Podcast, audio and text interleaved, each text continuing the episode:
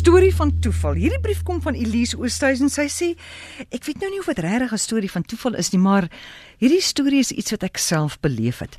In die vroeë 70's het ek verpleeg by 'n provinsiale hospitaal in Middelburg. Ons was twee verpleegsters op nagdiens met 'n saal van 30 pasiënte. In die een privaat kamer het 'n ouerige dame gelê wat baie siek was. Ons het gereeld by haar ingeloer deur die nag soos by al die ander pasiënte, maar omdat ons nie twee aan diens was, was ons baie besig deur die nag om al 30 pasiënte te verpleeg.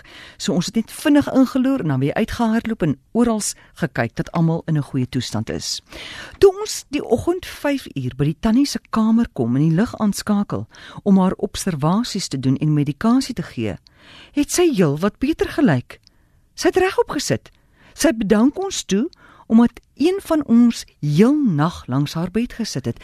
En ons sê vir haar, ons het gereeld ingeloer, maar niemand het paal daar gesit nie. Daar was net nie tyd daarvoor nie.